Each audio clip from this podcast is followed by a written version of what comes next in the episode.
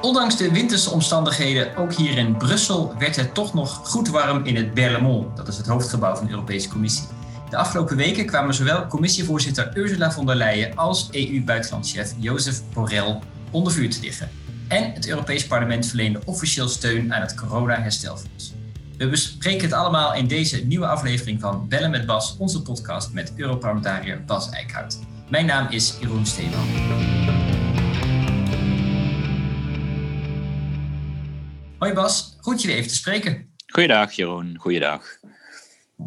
Voordat we beginnen, uh, eerst nog even een dienstmededeling. We zijn vanaf nu ook te vinden op Vriend van de Show. Dat is het Nederlandse podcastplatform. Uh, daar kun je terecht om uh, te luisteren naar onze, onze podcast en om je vragen en opmerkingen. Dat is handig om te luisteren, ja. zeker. maar je kunt daar dus ook je vragen en opmerkingen aan ons doorsturen. Het adres daarvan is vriendvandeshow.nl slash bellen met Bas. Goed, ons eerste onderwerp. Ursula von der Leyen en de vaccincrisis.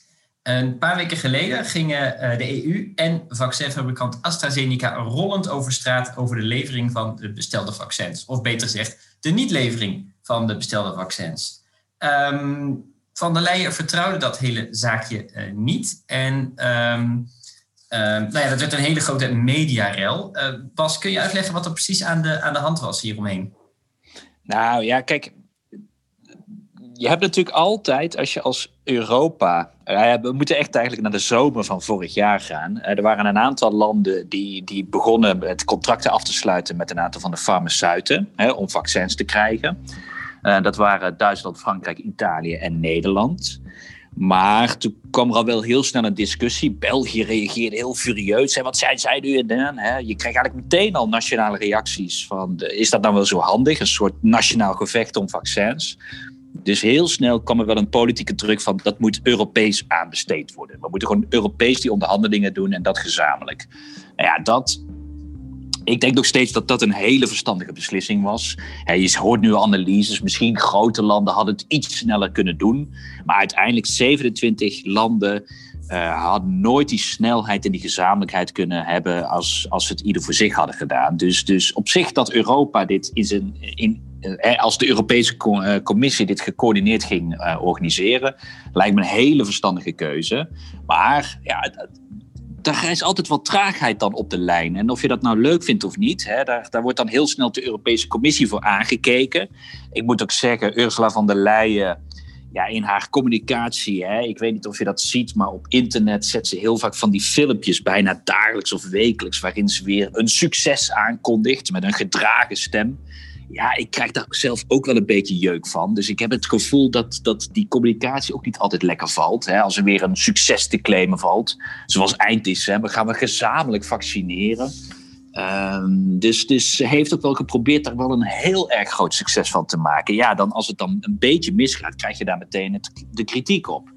En ja, dat die, sommige van die kritiek is terecht. Je verliest wat tijd. Landen moeten het met elkaar eens worden. En wat je dan nu hoort is dat ja, landen gewoon verschillende ideeën hadden over welke vaccins ze wilden kopen.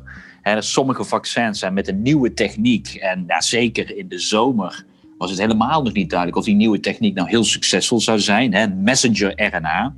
Uh, dat is uh, Moderna en het Pfizer-vaccin gebruiken die nieuwe techniek. En een aantal landen wilden die helemaal niet, waren ook duur, moeilijk te transporteren.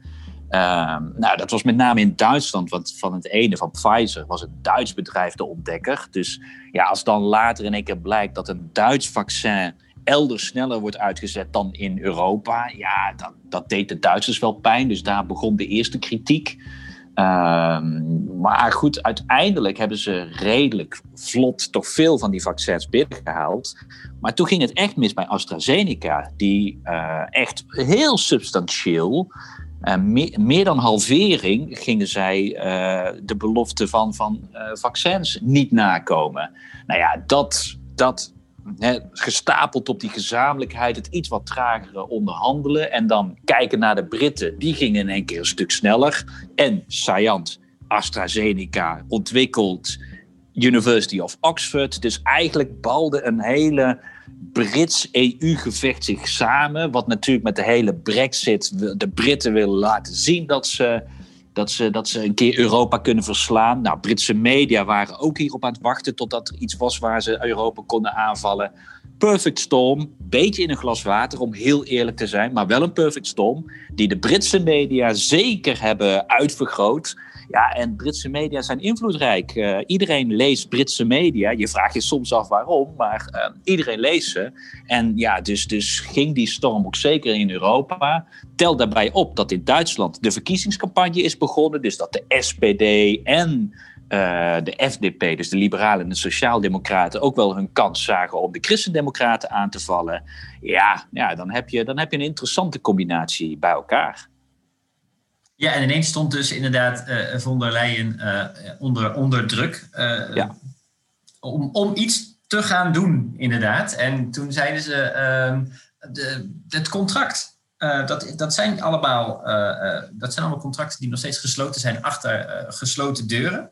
Dus niemand weet precies wat daarin staat. En ik geloof dat het, dat het, het er ook op een beetje op neerkwam van, is stond er in het contract nou dat Europa dit vaccin uh, zou, zou krijgen, hè, dat AstraZeneca het zou, zou leveren?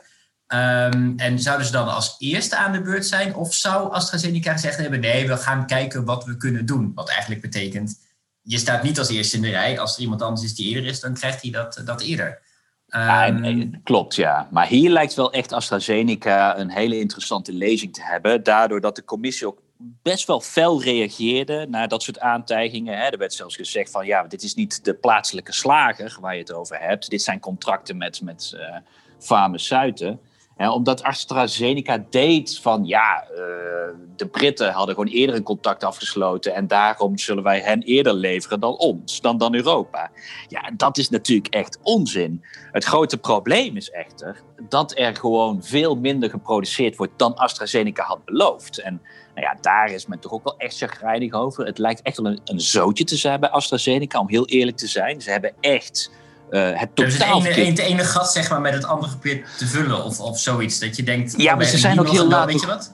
Ja, maar ze zijn ook heel laat begonnen met het produceren. Bijvoorbeeld het andere Moderna, maar ook Pfizer, hè, die hadden ook wel hiccups in de productie, wat logisch is. Maar die hebben dat redelijk hersteld. Maar die waren ook al aan het produceren voordat, de, voordat het goedgekeurd was op de Europese markt. Het Europees Medicijnagentschap, EMA, die kijkt naar de producten en op een gegeven moment wordt het goedgekeurd en dan en dan kan het dus uitgerold worden. Nou, bij die andere vaccins stond eigenlijk de productie al aan en kon dus na de goedkeuring van EMA al meteen vaccins afgeleverd worden. AstraZeneca ging pas eigenlijk vaccins voor Europa produceren een paar dagen na de goedkeuring. Ja, dan denk je ook van sorry, maar hier is AstraZeneca toch niet heel erg professioneel bezig. Daarbovenop kwam dat één fabriek in België dus ook niet kon gaan draaien. Ja, en toen, toen vervolgens de baas van AstraZeneca deed alsof, alsof ja, in het contract stond dat ja, de Britten zeg maar eerder mochten dan de Europeanen.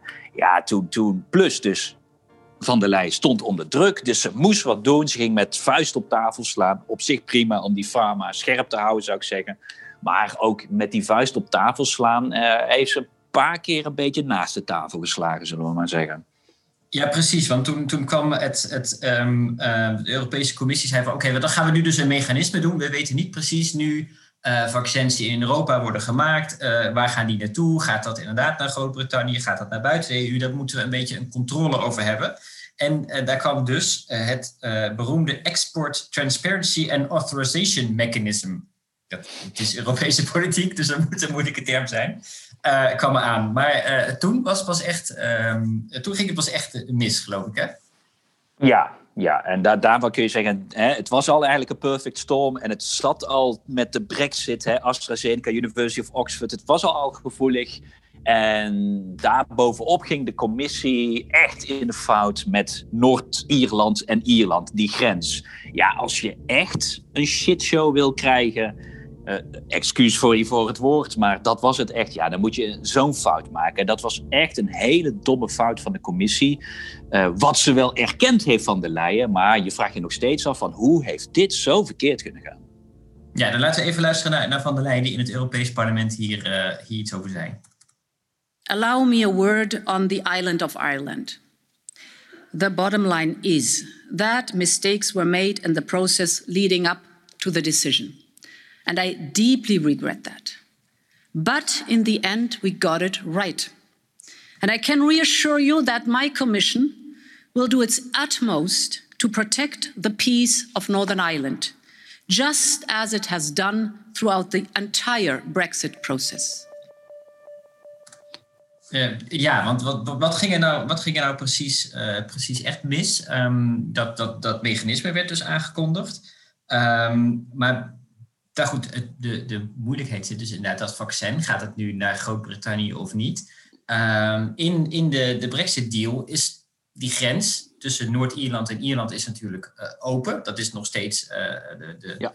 de, vrije Europese markt. De, de, grens zit eigenlijk in de Ierse Zee, hè, dus van Noord-Ierland naar het vasteland van uh, Groot-Brittannië. Al zeggen de Britten dan weer dat dat niet zo is. Maar goed, dat, daar moeten we het dan maar eens een keer over hebben. Um, maar er is dus een regel in die, in die Brexit-onderhandelingen, die beroemde regel 16, die zegt dat Europa toch die grens tussen Ierland en Noord-Ierland uh, kan aanhouden om dingen te controleren. En um, in dat mechanisme inderdaad werd dat artikel ineens tevoorschijn gehaald. Europa wilde dus controleren of er niet via Ierland naar Noord-Ierland toch vaccins geëxporteerd zouden worden. Ja, kijk, en daar is wel echt iets fout gegaan in, in zeg maar, eh, de besluitvorming. Dit was op een vrijdagavond. Hè, dus, dus AstraZeneca, die hele week ontspoorde het debat redelijk met AstraZeneca. Uh, en eigenlijk eh, een terechte zorg was dat niemand in Brussel wist, maar waar gaan die vaccins die in Europa geproduceerd worden, waar gaat dat heen? Daar hadden we echt geen enkele overzicht op. Dus dat was een redelijke black box. Dus heeft uh, Ursula van der Leyen op vrijdag gezegd: we moeten gewoon dat in de gaten houden. Overigens is dat door sommige partijen een exportban genoemd. Dat is echt niet wat het is en het is het ook nooit geweest. Het is nooit bedoeld om het tegen te houden, maar gewoon om het te gaan monitoren. Om te gaan kijken van, ja, wat gaat er nou tussen die, de, de EU, hè, de interne markt, wat gaat er naar binnen en naar buiten? Dus dat moet gemonitord worden.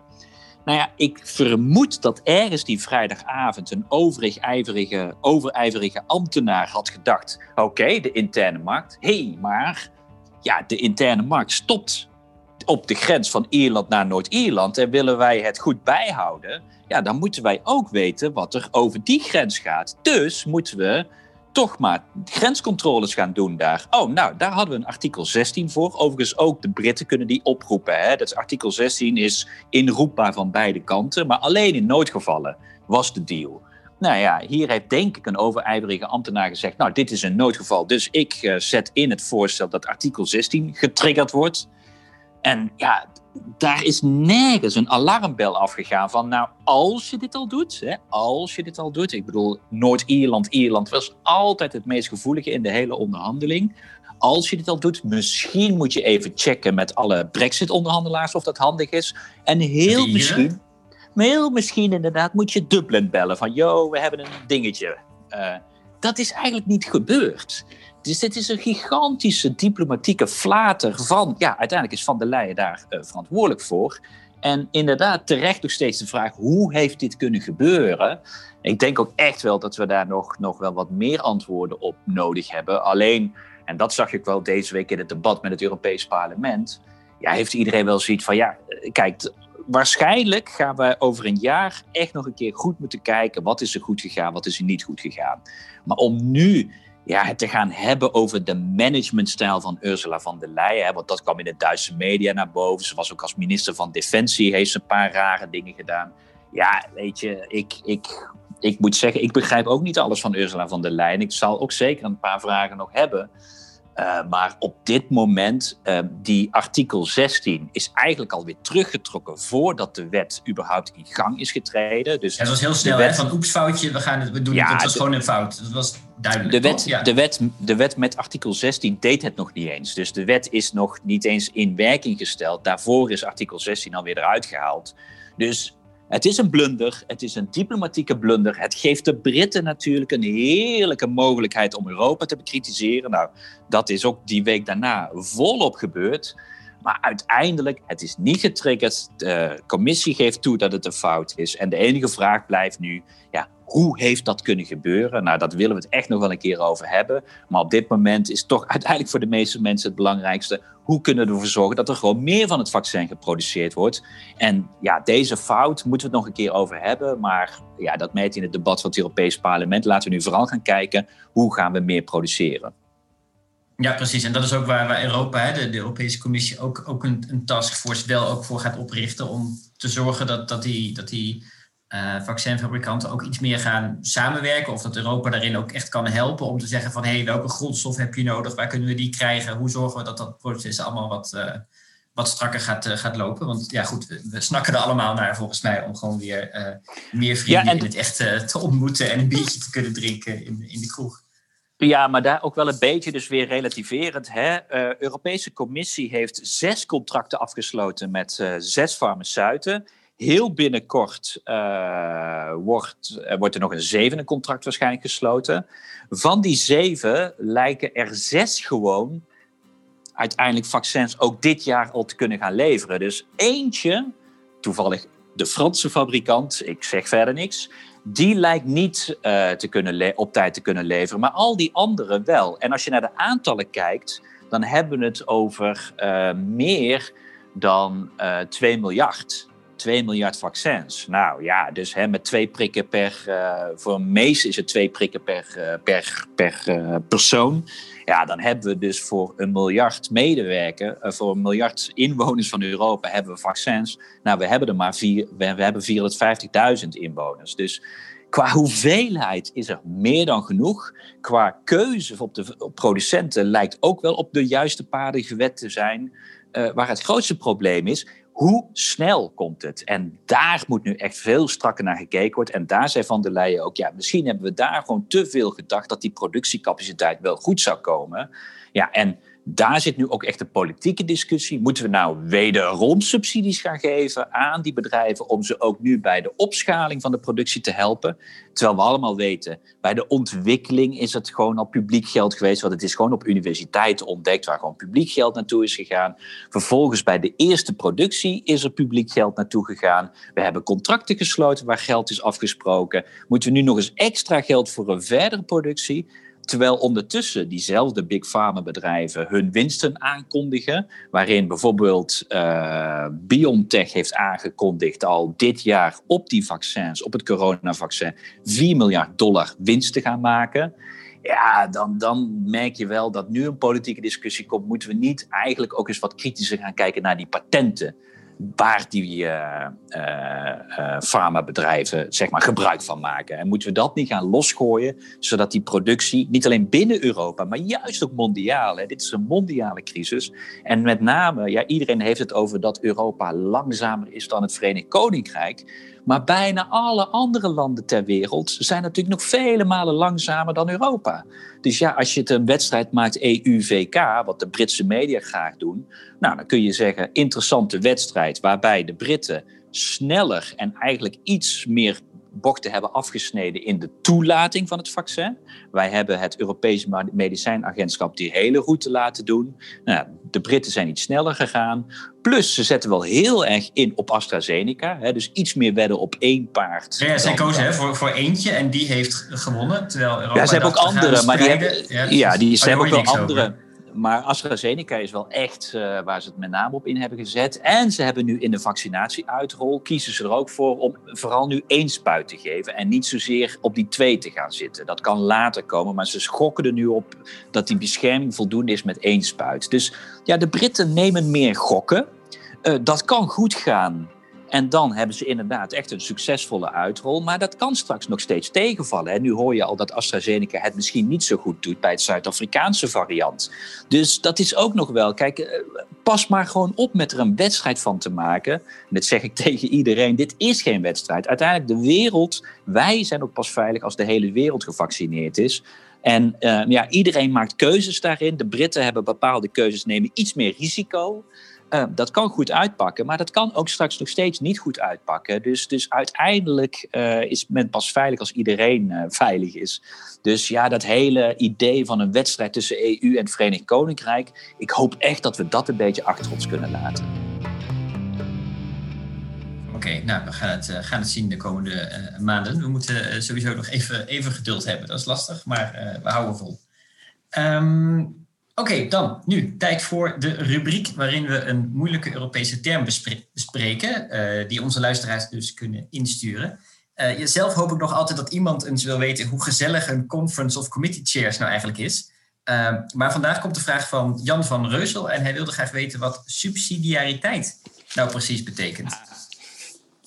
Subsidiariteit, ja, um, dat is wel inderdaad een, een, een een, een, een term die je heel snel hoort. Het betekent eigenlijk, ja, volgens mij zit er nog een katholieke achtergrond in, uh, uit een of andere encycliek van, van een paus, dat, dat soort termen. Maar goed, uh, daar houdt mijn katholieke kennis ook op. Uh, wat het vooral betekent is, organiseer, leg daar de competentie, leg daar de macht, zeg maar, op het laagst mogelijke niveau neer. Dus wat lokaal geregeld kan worden, moet je lokaal doen. Wat nationaal kan, moet je nationaal doen. En dan wat Europees kan, moet je Europees doen. Maar ga niet zaken die je nationaal of lokaal kan regelen, ga die niet proberen Europees te regelen. Dat is subsidiariteit. Nou, zo is op zich Europa altijd uh, opgericht en altijd bedoeld.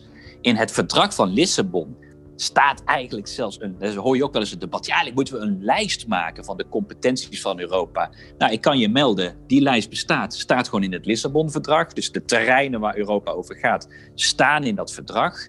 En uh, dat is volgens die subsidiariteitsprincipes ingesteld. Dus nou, volksgezondheid, ja, hoe we dat precies, of onderwijs, dat is nationaal, dus dat is niet Europees.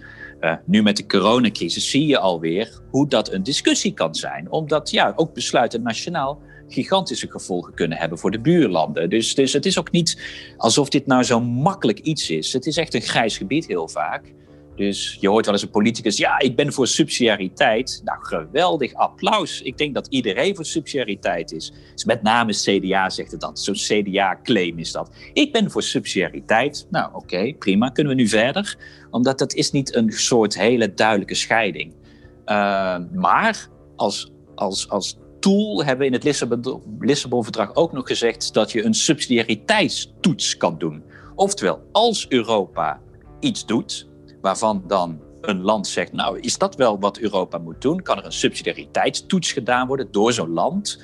En dan kun je een gele kaart, en in het Lissabon-verdrag is er zelfs een oranje kaart. Dat betekent, je moet genoeg parlementen hebben die daar tegen zijn en dan kan het voorstel ook tegengehouden worden. Ja, allemaal mooi en aardig, maar bijna alle voorstellen die Europa doet, daar zit wel een reden achter waarom Europa dat doet. Hè? Dat idee alsof er ambtenaren in Brussel zitten die denken: nou, wat voor macht kunnen we nu weer gaan pakken? Ja, het is leuk, leuk voor het politieke debat, maar in de werkelijkheid is dat echt onzin. Uh, er wordt gewoon naar gekeken. Er kunnen dus met de subsidiariteitsremmen opgegooid worden. In Nederland heeft Frans Timmermans, toen hij nog uh, minister van Buitenlandse Zaken was, ehm, of was staatssecretaris? Dat weet ik niet meer helemaal. Maar in ieder geval heeft hij gekeken van we gaan alle Europese wetgeving doorkammen om te kijken of er wel aan subsidiariteit is voldaan. Nou, dat heeft heel veel, heel veel zwoegen en zweten van de ambtenaren van alle ministeries. Die moesten met ideeën komen. Kwamen in de eerste ronde met te weinig, moesten ze nog een keer er doorheen. Uiteindelijk kwam daar een lijstje met 50 punten of zo, waarin ja, nou, de helft was gewoon waar, waar Nederland een beleidskeuze anders zou maken. Oké. Eh, een kwart ging over terreinen waar ze zei, daar moet Europa niet over gaan, zoals belastingen bijvoorbeeld. Nou, daar gaat Europa, gaat Europa al niet, nee, over. Dus, dus oké, waarvan akte? En er waren denk ik twee of drie punten waarvan je zou kunnen zeggen, oké, misschien moet Europa daar niet over gaan, maar dan heb je het over schoolfruit ja of nee. Zo. Nou, ja. zo. Ja, ik zou zeggen prima. Dat zit in het landbouwfonds. Er zit er ook geld voor schoolfruit. Lijkt mij inderdaad niet het belangrijkste.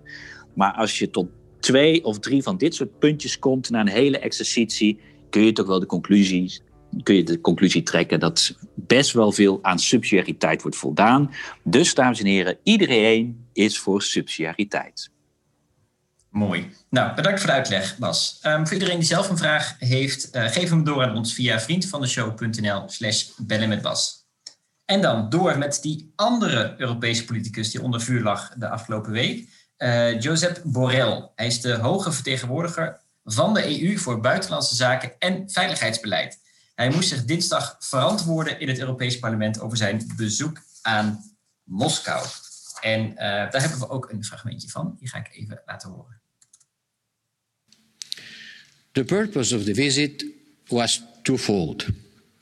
First, to convey eye to eye, face to face, the European Union's position on matters of concern to us human rights, political freedom, and the situation of Mr. Nalvani. This I did, and they didn't appreciate. The case of Alex Nalvani was at the center of my tense exchange with Minister Lavrov. Second, as part of the preparation of the discussion on the next European Council on Russia relations, scheduled for the March, I also wanted to test if the Russian authorities are interested in a serious attempt to reverse the deterioration of our relations and seize the opportunity to have a more constructive dialogue. The answer has been clear no. No. Ja, um, misschien heel eventjes, uh, heel kort hoor, over die rol van die, van die buitenlandvertegenwoordiger. We noemen hem ook wel eens eh, de EU-buitenlandschef, uh, officieel inderdaad de hoge vertegenwoordiger van de Europese Unie voor buitenlandse zaken en veiligheidsbeleid. En ja. mond vol. Uh, wat, wat, wat doet hij precies? Nou, het is een interessante functie. Hè. Je hebt in principe altijd de raad waar de lidstaten zitten en je hebt de commissie. En nou ja, dat is eigenlijk de ambtelijke top die in Brussel zit en dan de raad is waar de ministers zitten.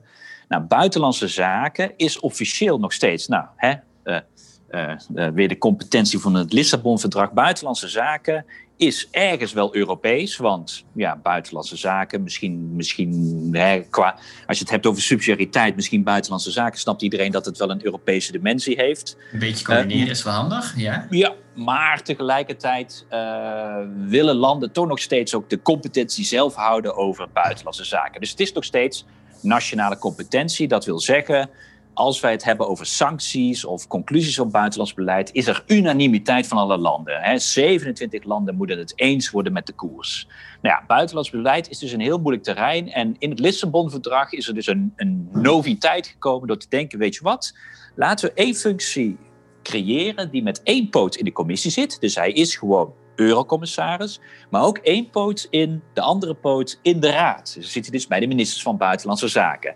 Dat is de hoge vertegenwoordiger. Dat is op zich ook een best wel onmogelijke positie. Want je zit dus, je bent een beetje raad en je bent een beetje commissie.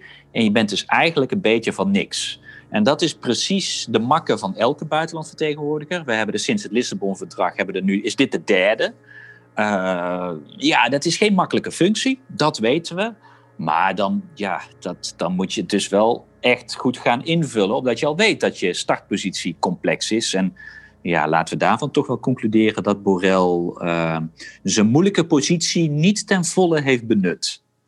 Nee, precies. Want hij ging dus uh, op bezoek uh, in, in Moskou. Dat, dat lijkt me inderdaad niet de, de allermakkelijkste gesprekspartner. Um, dat, onderzoek, of dat, dat bezoek dat stond dus al langer gepland. Ook voordat Navalny naar Moskou terugging en daar weer in gevangenis werd gezet. Um, ik lees even een stukje voor wat de NRC schreef over dat, over dat bezoek. Um, ze schrijven: Een paar dagen na dato geldt het bezoek van EU-buitenlandchef Joseph Borrell aan Moskou als een diplomatieke zeepert, zoals je zelden in het openbaar ziet. Rusland zette tijdens Borrells bezoek drie Europese diplomaten uit en schoffeerde de EU-gezant op een persconferentie. De gastheer, minister van Buitenlandse Zaken Sergei Lavrov, noemde de EU een onbetrouwbare partner en de gast feliciteerde Rusland met een goede beoordeling van het Russische coronavaccin. Dit is goed nieuws voor de hele mensheid, zei Borrell over het Sputnik-nieuws. Um, dat, dat, dat, dat bezoek, dat, dat, nou ja, dat, dat liep helemaal in, in de soep. Dat ging helemaal mis. Ja, kijk, en, en dan probeer ze achteraf te zeggen: ja, maar achter de schermen hebben we stevige gesprekken gehad. Ja, dat zal wel. Dat zal wel. Maar uiteindelijk, als jij daar naartoe gaat, moet je goed voorbereid gaan. Nou, daar was eigenlijk al van tevoren, stelden een hele hoop mensen vraagtekens. Is dit nou wel goed? Komen we wel goed beslagen ten ijs? Want Europa was wel boos over Navalny, maar had nog op geen enkele manier een eenheid over willen we strengere sancties of niet. De Baltische staten willen al heel lang strengere sancties, maar Frankrijk en Duitsland die willen toch ook wel goede relaties. In Duitsland speelt er allerlei economische belangen nog mee. Dus, dus er was geen duidelijke EU-lijn en zonder die duidelijke EU-lijn gaat Borrell daar naartoe. Nou ja, dan kun je niet zo heel veel meer zeggen dan: hè, we vinden het niet leuk dat je dit doet. Nou, oké, dan zijn de Russen niet van onder de indruk.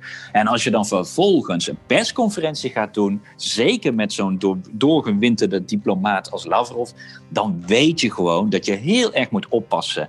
En ja, ja het was echt pijnlijk. Hij ging in vragen in die natuurlijk van tevoren ingestoken worden, want alles in Rusland is geopolitiek en, en voorbereid door Moskou kreeg hij vragen over Cuba, waar hij onvoorbereid op leek te zijn, waardoor hij kritisch was op de Amerikanen in Cuba. Dus hij ging en passant ook nog even de Russen helpen door Amerika te bekritiseren. Hij gaf ze een compliment over hun vaccin. Hij liet zich aan alle kanten echt gewoon zo pijnlijk neersabelen dat ja, als je dan kijkt wat zijn doel was. Nou, doel 2, weten wat Rusland wil. Nou, daarvoor had je niet naar Moskou gehoeven. Dat wist al dat dat nee was. En dat je hem publiekelijk in de ogen wil kijken, nou ja, nou, ik denk dat we dan de volgende keer misschien iemand moeten gaan sturen die daar diplomatiek iets beter in is. Oké, maar goed, dan ligt dus nog steeds de vraag uh, op tafel. Wat, wat moeten we doen met, met Rusland? Ik bedoel, we zien daar uh, de demonstraties. Mensen komen op straat om echt uh, nou ja, om tegen het regime te, te protesteren. hoe kun je als Europa daar die, die mensen steunen? Hoe blijf je in gesprek met zo'n met zo Rusland? Nou ja, kijk, ja, met alle respect, in gesprek met Rusland. Uh, ik denk dat Rusland uh, uiteindelijk maar naar één heel erg duidelijk middel luistert. En dat is economisch, economische macht. En we doen nu net alsof Rusland de grote speler, maar economisch zijn ze totaal afhankelijk van Europa. Hè. Ze proberen al langer ook relaties met China op te bouwen om een beetje aan hun oostkant wat ehm, zeg maar economische kracht terug te winnen. Nou, dat gaat ook verre van soepel met China.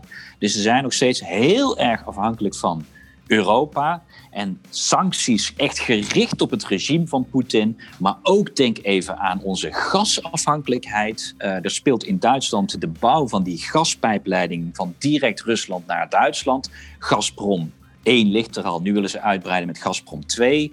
Ja, de roep in Duitsland is ook groeiende van sorry mevrouw Merkel, u, uw Ruslandpolitiek, de Oostpolitiek die faalt op dit moment. En hou nu eens ook op om jezelf nog eens extra afhankelijk te maken van Rusland door bijvoorbeeld Nord Stream 2 uh, eh, uit te bouwen. Dus Europa moet hier echt veel steviger sanctionair gaan optreden, ophouden met dit soort pijpleidingen, gaspijpleidingen.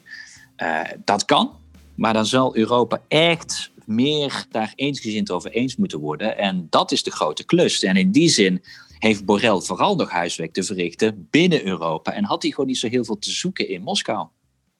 Ja, hij had eigenlijk gewoon moeten zeggen van de, de, de, misschien een, een klein excuus moeten verzinnen. Uh, het, gaat niet, uh, het gaat niet lukken. Uh, kom, kunnen we dat, dat een andere keer doen, dat, dat bezoek? En dan nou, een, klein, een klein excuus. Een week voordat hij ging, is Navalny gearresteerd. Volgens mij heb je dan reden genoeg om te zeggen: ja, ik zou komen, maar ik ga niet meer komen. Nu niet meer. Ja, nu niet meer. Ja, ik bedoel, een klein, dat, dat is geen klein excuus. Dat lijkt me zelfs een hele legitieme reden om het bezoek te cancelen. Maar goed, hij wilde per se doorgaan en is gigantisch op zijn bek gegaan. En in het Europees Parlement had hij het ook een stuk zwaarder dan, dan Ursula von der Leyen. Uh, maar ja, uiteindelijk weten we ook daar weer, ja, hij heeft het niet goed gedaan. Maar het grootste probleem zit hem nog steeds in de hoofdsteden. En met name Parijs en Berlijn. En een beetje ook Rome. En een beetje Hongarije? Ja, maar ja, kijk, dat, ja, ik zeg altijd, Orbán is de usual, hè, dus de, it's the useful idiot voor Poetin. Nu ook weer met mhm. het uh, Sputnik-vaccin, waarin hij doet alsof hij daar heel veel geleverd krijgt, maar uiteindelijk is het één levering en vervolgens is er ook schaarste. En voordat er meer gaat komen, zijn we ook weer maanden verder. Dus, dus dit gaat ook niet echt helpen in, in, in, in die, kort, hè, die, die, die schaarste op de korte termijn. Um, ja, Orbán is een useful idiot. Um, in, uiteindelijk wordt de echte politiek toch gemaakt door Berlijn, Parijs, Madrid, Rome. En met name Parijs, Berlijn, Rome zijn een probleem met Rusland. Ik denk niet dat Orbán daarop dwars gaat liggen als Europa op een gegeven moment een lijn zit. Ook omdat Orbán altijd slim genoeg is om te weten, hier gewoon maar weer even meelopen met Europa. En ondertussen bilateraal kan ik allerlei dingetjes nog doen met Moskou. Dus Orbán die doet toch wel zijn eigen koers. Oké. Ehm, nou, ten slotte moeten we het nog heel even eh, kort hebben over het uh, corona-herstelfonds. Want dat hebben jullie in het Europees Parlement ook uh, goedgekeurd de afgelopen week. De, een fonds van 672,5 miljard euro. Um, en dat is dus een fonds waarvoor EU-landen plannen mogen gaan indienen om projecten te financieren om zo de economie weer overeind te helpen. Um, maar jullie als Europese Groenen zijn erin geslaagd om die voorwaarden voor die, voor die plannen, om die nog wat, uh, wat aan te scherpen op, op duurzame voorwaarden, geloof ik. Ja, dat klopt. Dit, was natuurlijk, uh, dit komt helemaal terug uit de, de befaamde EU-top in juli, vlak voor de zomervakantie. Rutte, die, die daar heel lang heeft onderhandeld, omdat het allemaal strenger moest en hij maar zuinig is. Eigenlijk vond het helemaal niks, maar oké dan. Hè. Dat was een beetje het Nederlandse ontvangst. Terwijl we allemaal weten, er is hard nodig een investeringsprogramma voor Europa. Laten we dat gecoördineerd doen, zodat alle landen een dezelfde richting ingaan. Nou, dat is uiteindelijk in juli afgesproken. Toen is er ook afgesproken, er moet 30% naar klimaat gaan. Uh, uh, maar goed, in het najaar is dat in wetsvoorstellen uitgewerkt door de commissie. En daar hebben wij vervolgens als Europees Parlement nog uh, flink ja, het zitten aanscherpen om met name waar gaat dat geld naartoe? Hè? Straks komen landen met nationale plannen. Dan moeten ze wel echt iets aan die vergroening en die digitalisering doen. Om dus echt een investeringsagenda ervan te maken voor elk land. Nou ja, wat wij in de wetgeving fors hebben aangescherpt is. Nou ja, 37% is het geworden.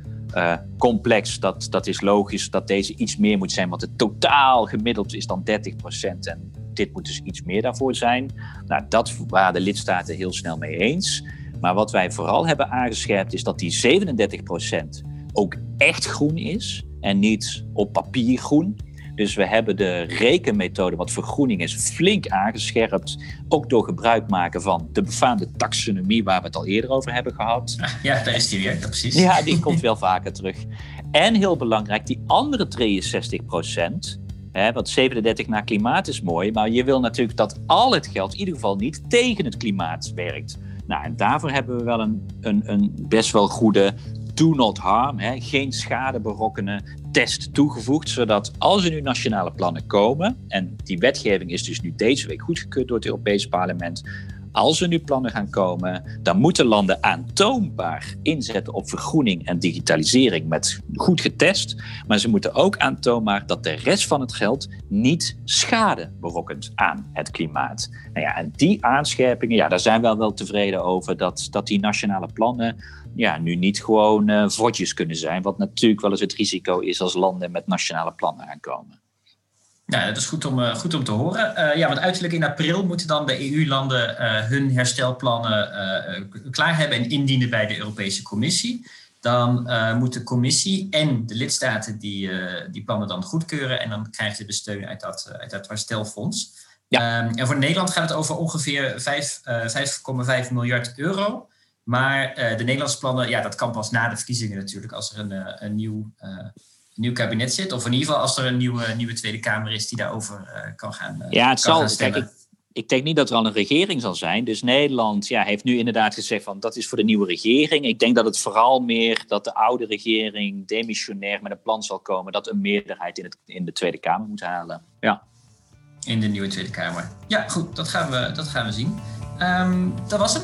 We zijn er, we zijn er doorheen bedankt voor je, voor je bijdrage, Bas. En ik uh, uh, spreek elkaar snel weer. Ja, dat hoop ik wel. Het, uh, je, je zegt het bijna alsof het een opluchting is. nou, we zijn er doorheen. Oeh, het, is, het zit er weer op. Ja, altijd weer. Altijd weer. Nee, was hartstikke goed en tot te snel dan weer. Yes. Doei doei.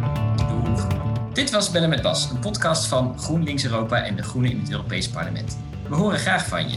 Laat je reactie achter op vriendvandeshow.nl slash bellen met Bas. De vormgeving is door Cloak. Tot de volgende keer.